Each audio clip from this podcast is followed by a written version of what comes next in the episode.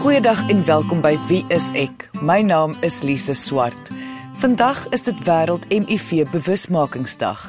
Tans leef min of meer 7 miljoen Suid-Afrikaners met 'n HIV-diagnose saam.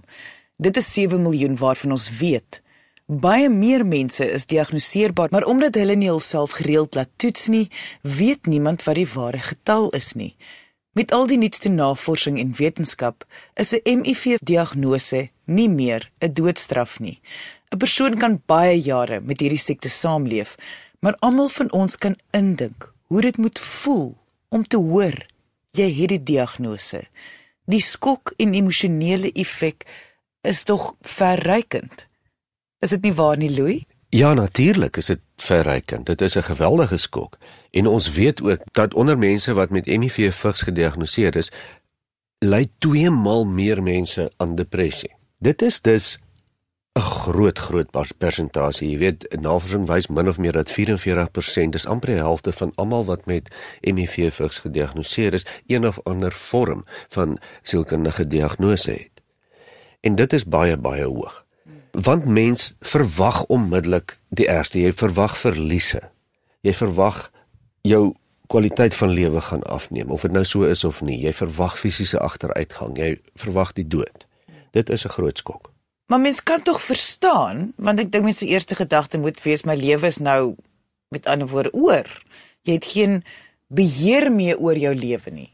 Ja absoluut. En die die eerste reaksies wêreldwyd wat ervaar word Wanneer persone gediagnoseer word met HIV, is gewoonlik die van skok, ongeloof, 'n uh, paniek, vrees, wanhoop. Dis baie intense reaksies en dit is alles daarop gerig dat o genade, ek kan niks hieraan doen nie. Wat kan ek doen? Want dit is wat 'n diagnose van 'n siekte met mens maak. Jy kan gewoonlik nie sommer net 'n knoppie druk dan gaan dit weg nie en jy's heeltemal reg, jou beheer word dus weggeneem en dit veroorsaak angs. Suid-Afrika het tans die 4de hoogste HIV en vigsyfer ter wêreld. Statistiek Suid-Afrika beweer dat ongeveer 12.7% van die totale bevolking HIV positief is. Sommige wetenskaplikes reken dat 'n groot persentasie hiervan toegeskryf kan word aan hoër alkoholverbruik onder die Suid-Afrikaanse bevolking. Dwelms en alkohol beïnvloed 'n persoon se vermoë om keuses te maak en kan lei tot onveilige seksuele gedrag wat hulle in gevaar stel om die HIV-virus te kry of aan iemand anders te gee. Navorsing wys ook dat persone wat HIV positief toets en dwelm en of alkoholafhanklik is, meer skade aan senuweeselle in die brein veroorsaak wat kognitiewe denke beïnvloed. Hierdie breinskade veroorsaak dus ook 'n persoon se vermoë om keuses te maak, 'n gesonde leefstyl te volg, om medikasie korrek te gebruik of om seksueel verantwoordelik op te tree. Johannes, ek wil baie graag 'n stap terug beweeg na hoekom. Na al die waarskuwings en bekombare inligting. Hoekom is daar nog so baie mense wat gediagnoseer word met HIV? Daar is 'n interessante sosiologiese verskynsel waaraan ons almal lei. Dit is die dit sal nie met my gebeur nie verskynsel. Mense glo die beste van hulle self en natuurlik ook van mense rondom hulle. En Ons hou nie daarvan om gekonfronteer te word met ongemaklike gedagtes of gevoelens nie. En dan bly mens eerder by hierdie dit sal nie met my gebeur ehm um, verskynsel. Dit is net makliker. Die ander rede vir mense wat al baie gewaarsku is maar net nie luister nie, is soms is ons akkel oordonder met die inligting en dan begin mense dit eintlik maar ignoreer want hulle hoor dit elke dag op radio en neem dit eintlik nie meer ernstig op nie baie mense gaan bloot ook net in vermyding van ongemaklike gedagtes of gevoelens en dus is hulle nie altyd bewus van die gevare nie want soms moet jy tog ook uitkyk om jouself te beskerm. Maar baie keer verkies mense om so half dom as strand te bly en dan let hulle nie op is my verhoudingsmaat nog getrou of ontrou? Hulle dink goeie soos maar die persoon lyk heel gesond so ons kan dan onbeskermde seks hê sonder om regtig te dink aan wat is die gevolge van my gedrag. Baie mense is ook te bang om te gaan vir die toets want hulle vrees die uitkoms. Dit kan realisties of onrealisties wees, die vrees. En natuurlik is mense dan die meeste bang vir stigma wat daar rondom gaan. En ons almal weet die verskillende stigmas rondom HIV. Baie mense voel dat hulle seksuele geskiedenis word skielik op die lappe gegooi sodra hulle vir iemand erken dat hulle HIV het. Uh, die aanname word gemaak o, jy het baie seks of te veel seks gehad of met die verkeerde mense seks gehad. En dit is men alles deel van stigma waarvoor mense ook baie bang is. En die rol van verslawing? Misbruik en verslawing, veral substansie, speel 'n groot rol in die verspreiding van HIV. Gedrag wat gebeur as mense geïntoksikeerd is, lei tot die verlies van 'n vermoë om ordentlike keuses of sober keuses te maak. En dit kan ook wees natuurlik dat wanneer iemand klaar gediagnoseer is, dat hulle 'n substans gebruik om die gevolge daarvan te hanteer. So hulle gebruik dit as 'n coping meganisme, want hulle het nie noodwendig die vaardighede om met hierdie ehm um, nuwe nuus om te gaan nie. So dit is met ander woorde wat jy bedoel is soos Louis net nou gesê het dat depressie en angs is die twee diagnoses wat die grootste voorkom of die meeste voorkom sodra iemand hoor hulle is dalk HIV positief. En so wat jy nou sê is dis juis sulke tye waar baie mense dan 'n uh, 'n substans misbruik om dit te verwerk. Absoluut. Mense kan maklik verval in uh hopeloosheid en soos Louis genoem het depressie of angs en dan gryp hulle na 'n substans om hulle self net vir 'n oomblik beter te laat voel wat hulle verligting gee van hulle huidige emosionele toestand en dit kan weer sy eie patroon begin uh, wat mense ook weer in die moeilikheid kan bring. Jy luister na Wie is ek met Louie en Lise op RSG 100 tot 104 FM. Vir diegene wat nou eens ingeskakel het, ons is vandag besig om te gesels op Wie is ek oor die emosionele effek van 'n MI-virus diagnose. Louie, ek gaan dalk nou 'n hoendereier vraag vra, maar wat moet 'n persoon wat sopas gehoor het, hulle het HIV vigs, dan eers aanpak? Die siekte self of die emosionele sy? Gelyk, beide gelyk. En dit is vanweë die hoë syfers. Hier is nie eintlik veel tussen die hoender en die eier te onderskei nie, nê? Want as jy depressief is, wat die syfers vir ons sê jou kans baie groot is om te gaan wees, dan verhinder dit jou vermoë om aktief die siekte te beveg. Dit verhinder dan ook jou vermoë om 'n kwaliteit van lewe te lei en die een lei tot die ander. So ek sou dit nie eintlik in twee kategorieë opdeel nie. Ek sou sê dat jou jou jou fisiese en emosionele behandeling moet amper eweveel prioriteit geniet. Maar as 'n persoon glo hulle lewe is in gevaar, wat keer hulle om nie maar net in te gee aan die depressie wat hulle dan ervaar nie? Kyk, ek verstaan wat jy vra, maar vir daardie argument is almal se lewe in gevaar. En moet ons almal ingee aan depressie? Daar is geen waarborg dat ek langer gaan leef as enige persoon wat met HIV gediagnoseer is nie. Dit kan wees of dit kan nie wees nie. So volgens daardie argument moet niemand van ons uh enigsins weerstand bied as ons kan siek raak nie, want ons kan enige tyd siek raak. En dit is wat ons dan gelukkig weet, die diagnose van HIV vigs is nie noodwendig 'n doodsvonnis nie. So dit is nie nodig om net in te gee nie. Hoe veg 'n mens dan teen die depressie en angs wat hand aan hand gaan met 'n HIV-vigs diagnose? Die antwoord hierop is nie alleen nie.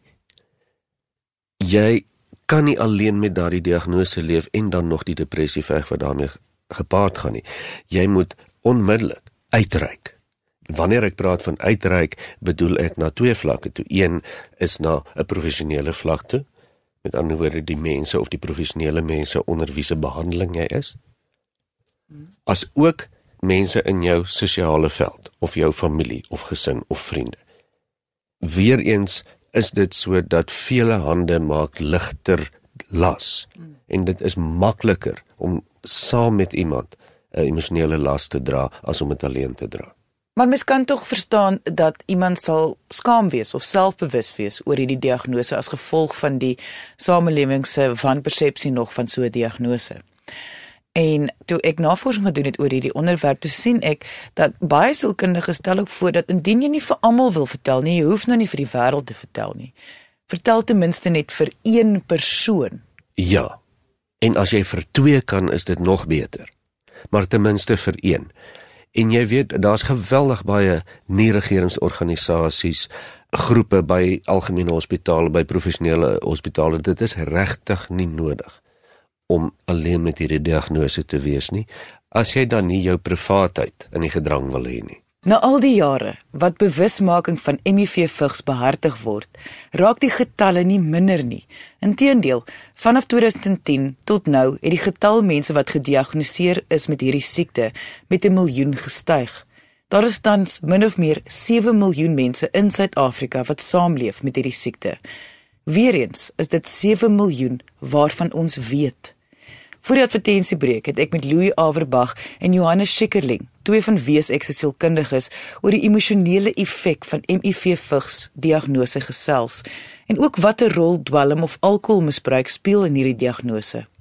Onthou jy kan na vandag se episode of enige ander WSX episode gaan luister as 'n potgooi.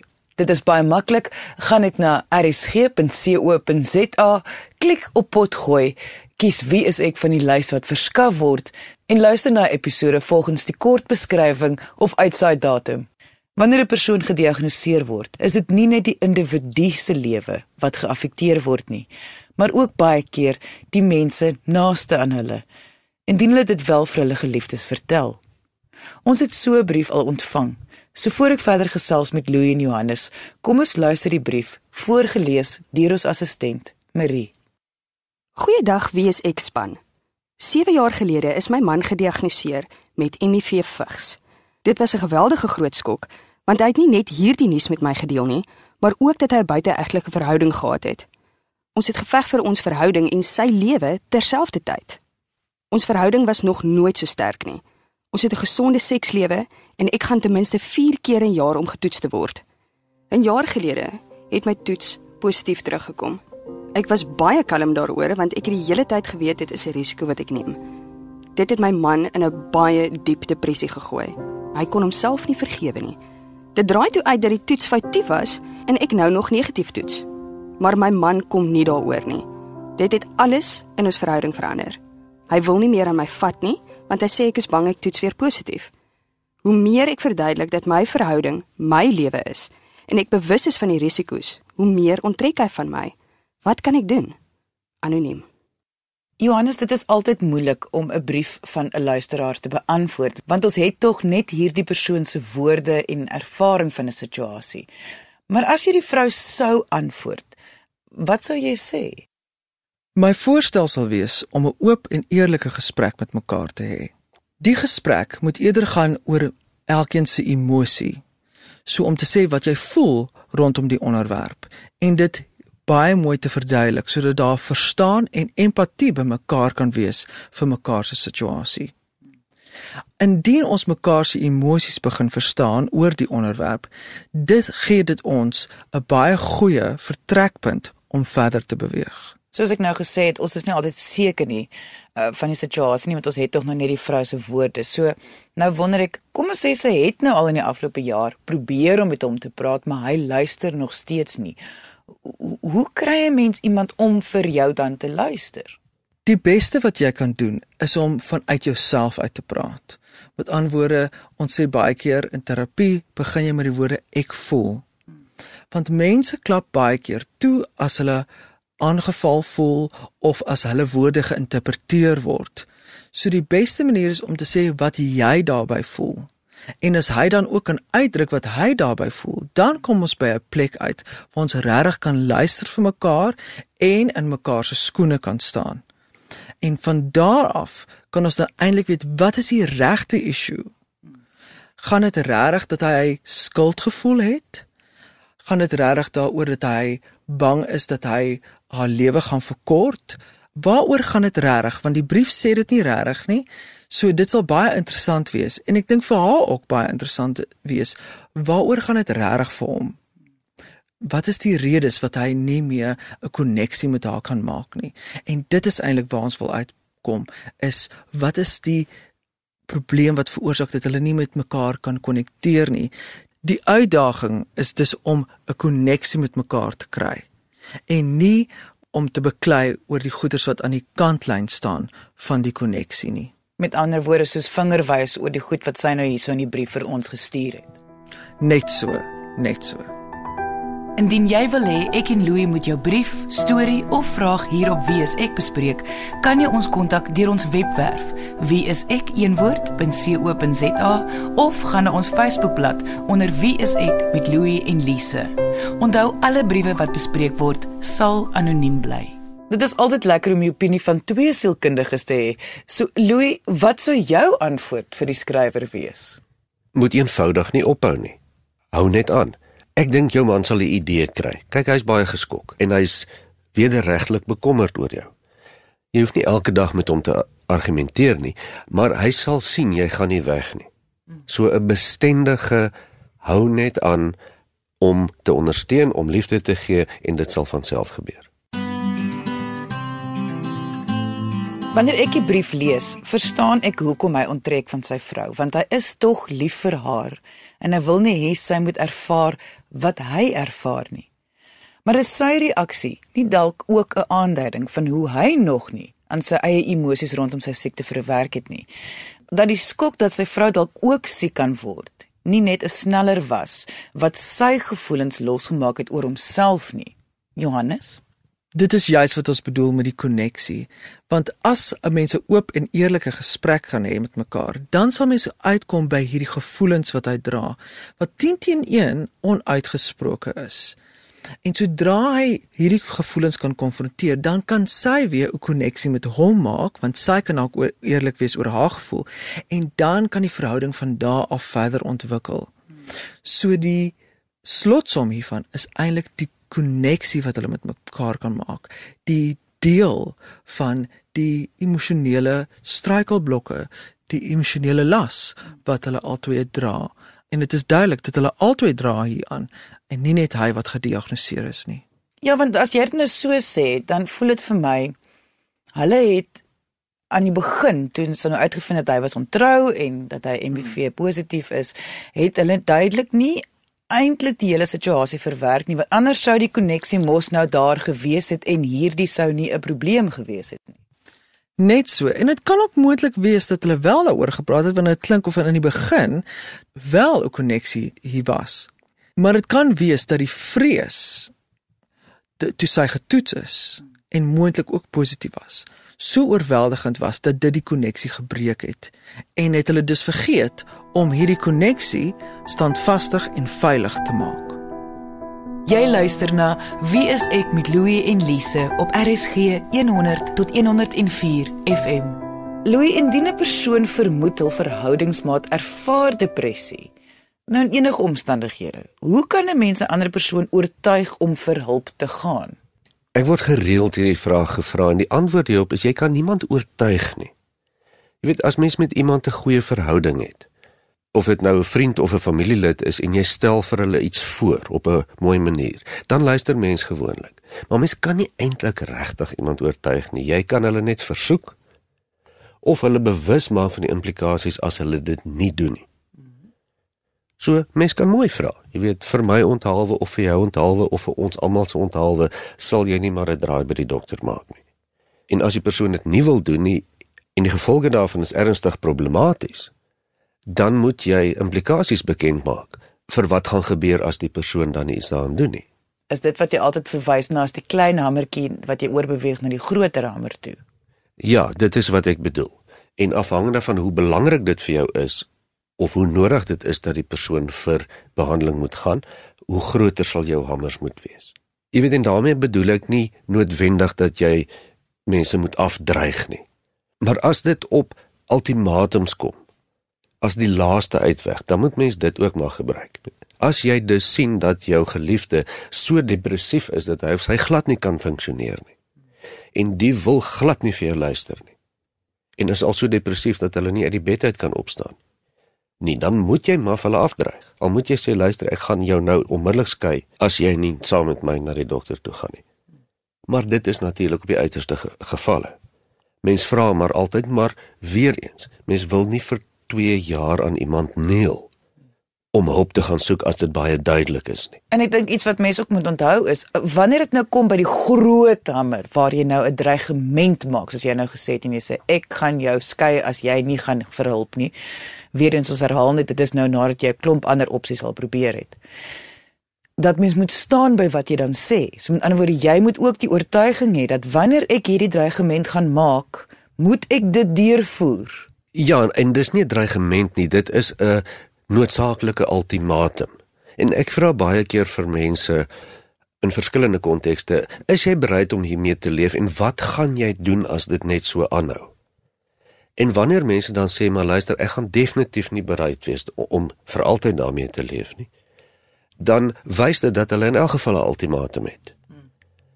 Mense wil net nie iemand voor 'n ultimatum stel as dit nie absoluut nodig is nie. Julle laaste advies vir 'n persoon wat onlangs met die MI virus gediagnoseer is?